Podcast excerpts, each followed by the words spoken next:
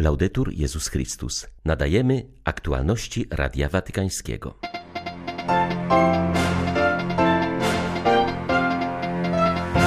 Papież Franciszek zachęcił młodych Włochów do odważnego realizowania wielkich pragnień, jakie noszą w sercu. Na specjalnej audiencji apelował, by nie dali się uwarunkować modą, lajkom i followersom. Jedyną realną drogą zakończenia konfliktu w Ziemi Świętej jest utworzenie dwóch suwerennych państw, przypomina szef watykańskiej dyplomacji. Wskazuje, że bez tego Palestyńczycy i Izraelczycy nie zaznają pokoju i bezpieczeństwa. Dla ważności sakramentów formuły i materia nie mogą być zmieniane, przypomina dykasteria nauki wiary w obliczu utrzymywania się nadużyć liturgicznych. Treść opublikowanej dziś deklaracji zatwierdził Ojciec Święty. 3 lutego wita Państwa Beata Zajączkowska. Zapraszam na serwis informacyjny. Papieża odwiedzili dzisiaj uczniowie i nauczyciele z Lombardzkiej Szkoły Świętującej 425 lat działalności. Franciszek wyraził radość ze spotkania, zwłaszcza w odniesieniu do młodych. To wy z waszymi twarzami pełnymi życia, z marzeniami, planami i pragnieniami, które nosicie w sercach, nadajecie sens i wartość tak staremu dziedzictwu waszej szkoły, podkreślił papież.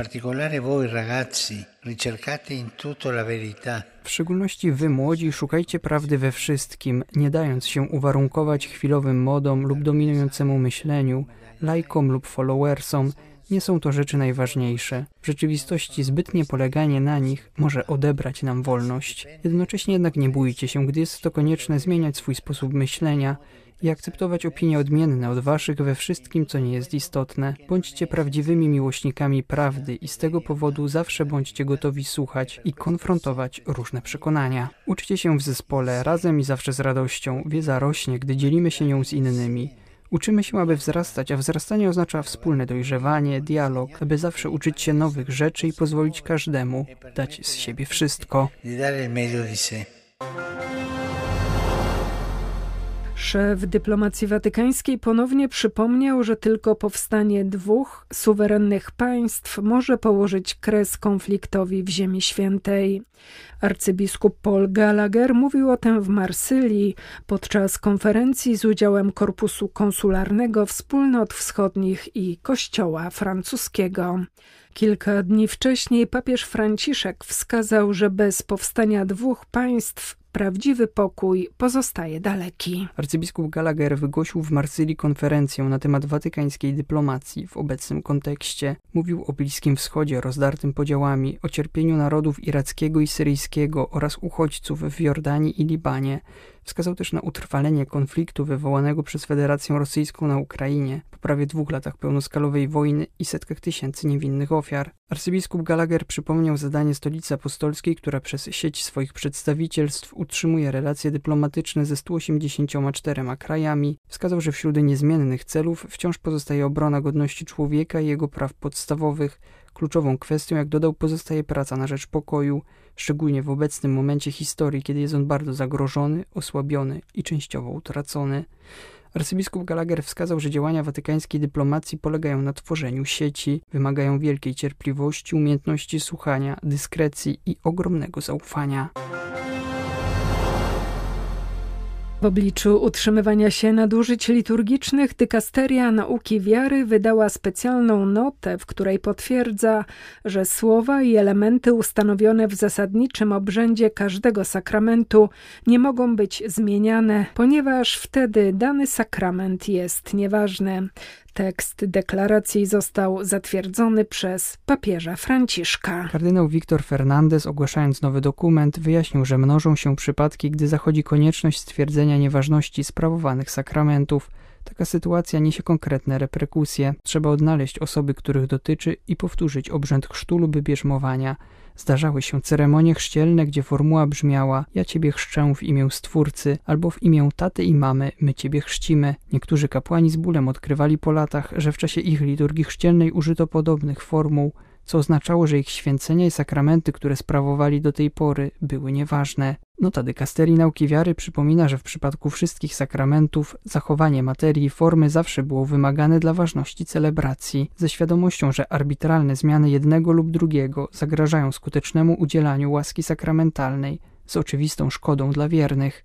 To, co znajduje się w zatwierdzonych księgach liturgicznych, musi być wiernie przestrzegane, bez dodawania, usuwania lub zmieniania czegokolwiek.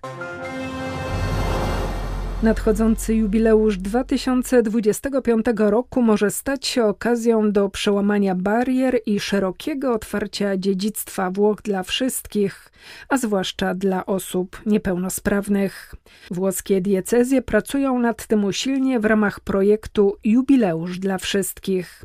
Zaprezentowano już pierwsze cztery trasy, na których odnajdzie się każda osoba bez względu na swe ograniczenia. Jak podkreśla siostra Weronika Donatello, we Włoszech żyje aż 13 milionów osób z niepełnosprawnością. Pomyślmy, ile tracimy również z ekonomicznego punktu widzenia, stawiając im bariery fizyczne i kulturowe, mówi zakonnica. Jest ona odpowiedzialna za duszpasterstwo niepełnosprawnych przy włoskim episkopacie jak przyznaje, włączenie ostatnich, odrzucanych pozostaje zawsze wyzwaniem. Udostępnienie im dóbr kulturalnych może być dużą pomocą w tym procesie.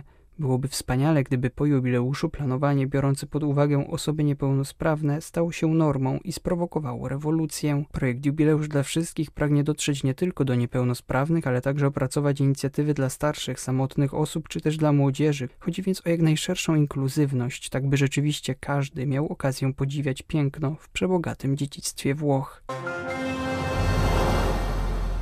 Moją nadzieją dla dzisiejszej Syrii jest pokój, mówi biskup Antoine Odo, chaldejski ordynariusz Aleppo.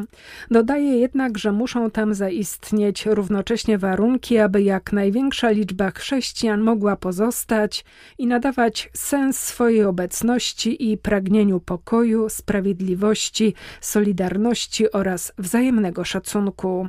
Słowa te padają w obliczu wielkich cierpień, jakich wciąż doświadczają Syryjczycy.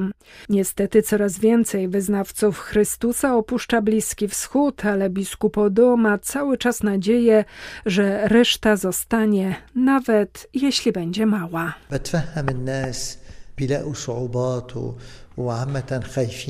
Patrzę ze zrozumieniem na to, że ludzie borykają się z trudnościami i boją się generalnie o swoje dzieci. Szukają stabilizacji, bezpiecznego życia. Rozumiem ich, ale z drugiej strony bardzo mnie to smuci, gdy widzę, jak opuszczają Syrię w ogóle, a Aleppo w szczególności. Z tego powodu powinniśmy zrobić wszystko, aby reszta pozostała, nawet jeśli w małej liczbie. Być świadomymi naszej misji, powołania dotyczącego dotyczącego nas samych, karmiącego nasze życie chrześcijańskie, nie tyle materialnie, co duchowo, stanowiąc równocześnie moc radości i dobrą nowinę dla środowiska, w którym przebywamy.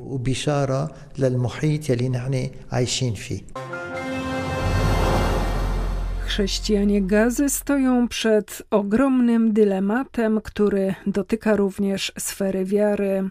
Mówili o tym kardynałowi Konradowi Krajewskiemu, który na prośbę papieża odwiedził ojczyznę Jezusa.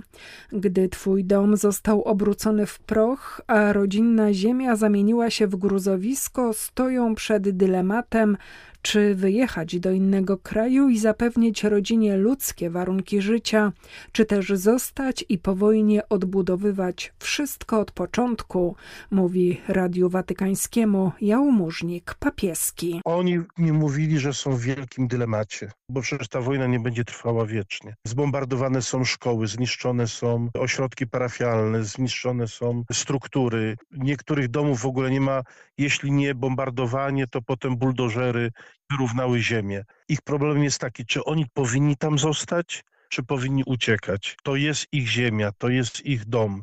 I oni są tam chrześcijanami pośród wcale niesprzyjającej aury wokół. Oni chcą świadczyć o tym, że są chrześcijanami. Nie chcą stamtąd uciekać, ale cała ekonomia życia im mówi, że powinni stamtąd czym prędzej odejść. Jeśli odejdą, nie będzie tam chrześcijan.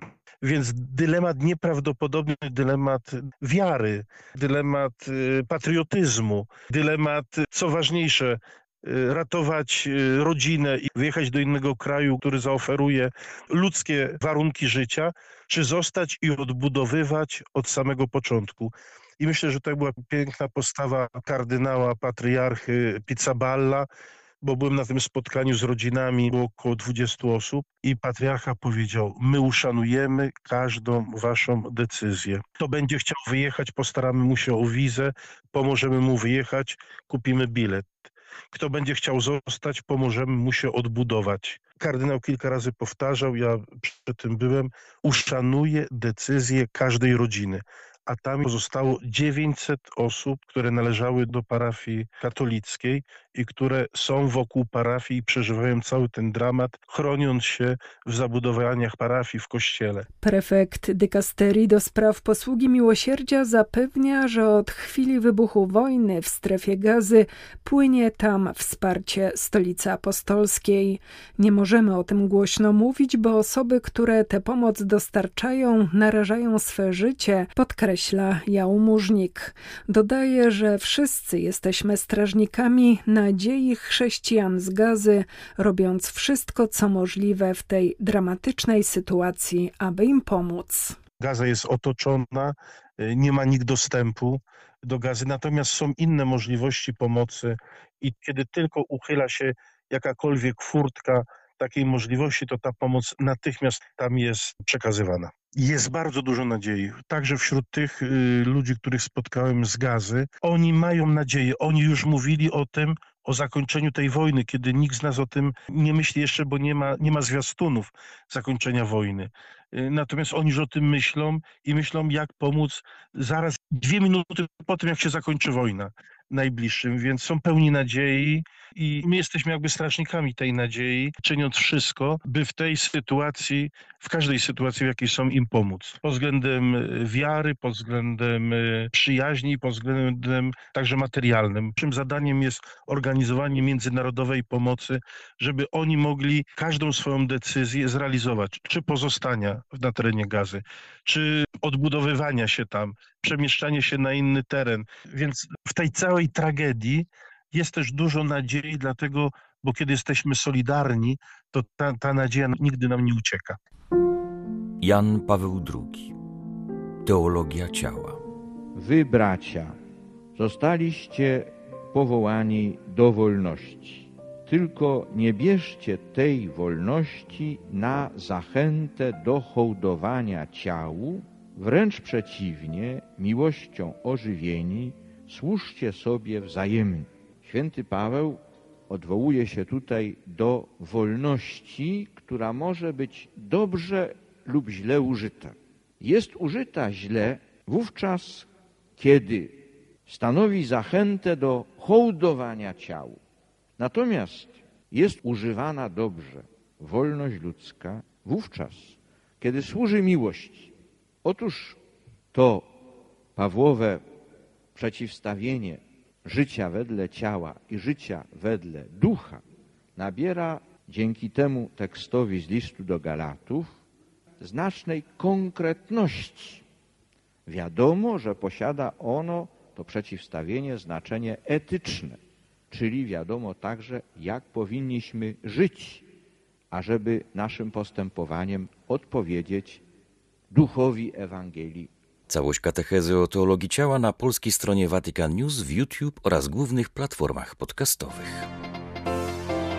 Były to aktualności Radia Watykańskiego. Laudetur Jezus Chrystus.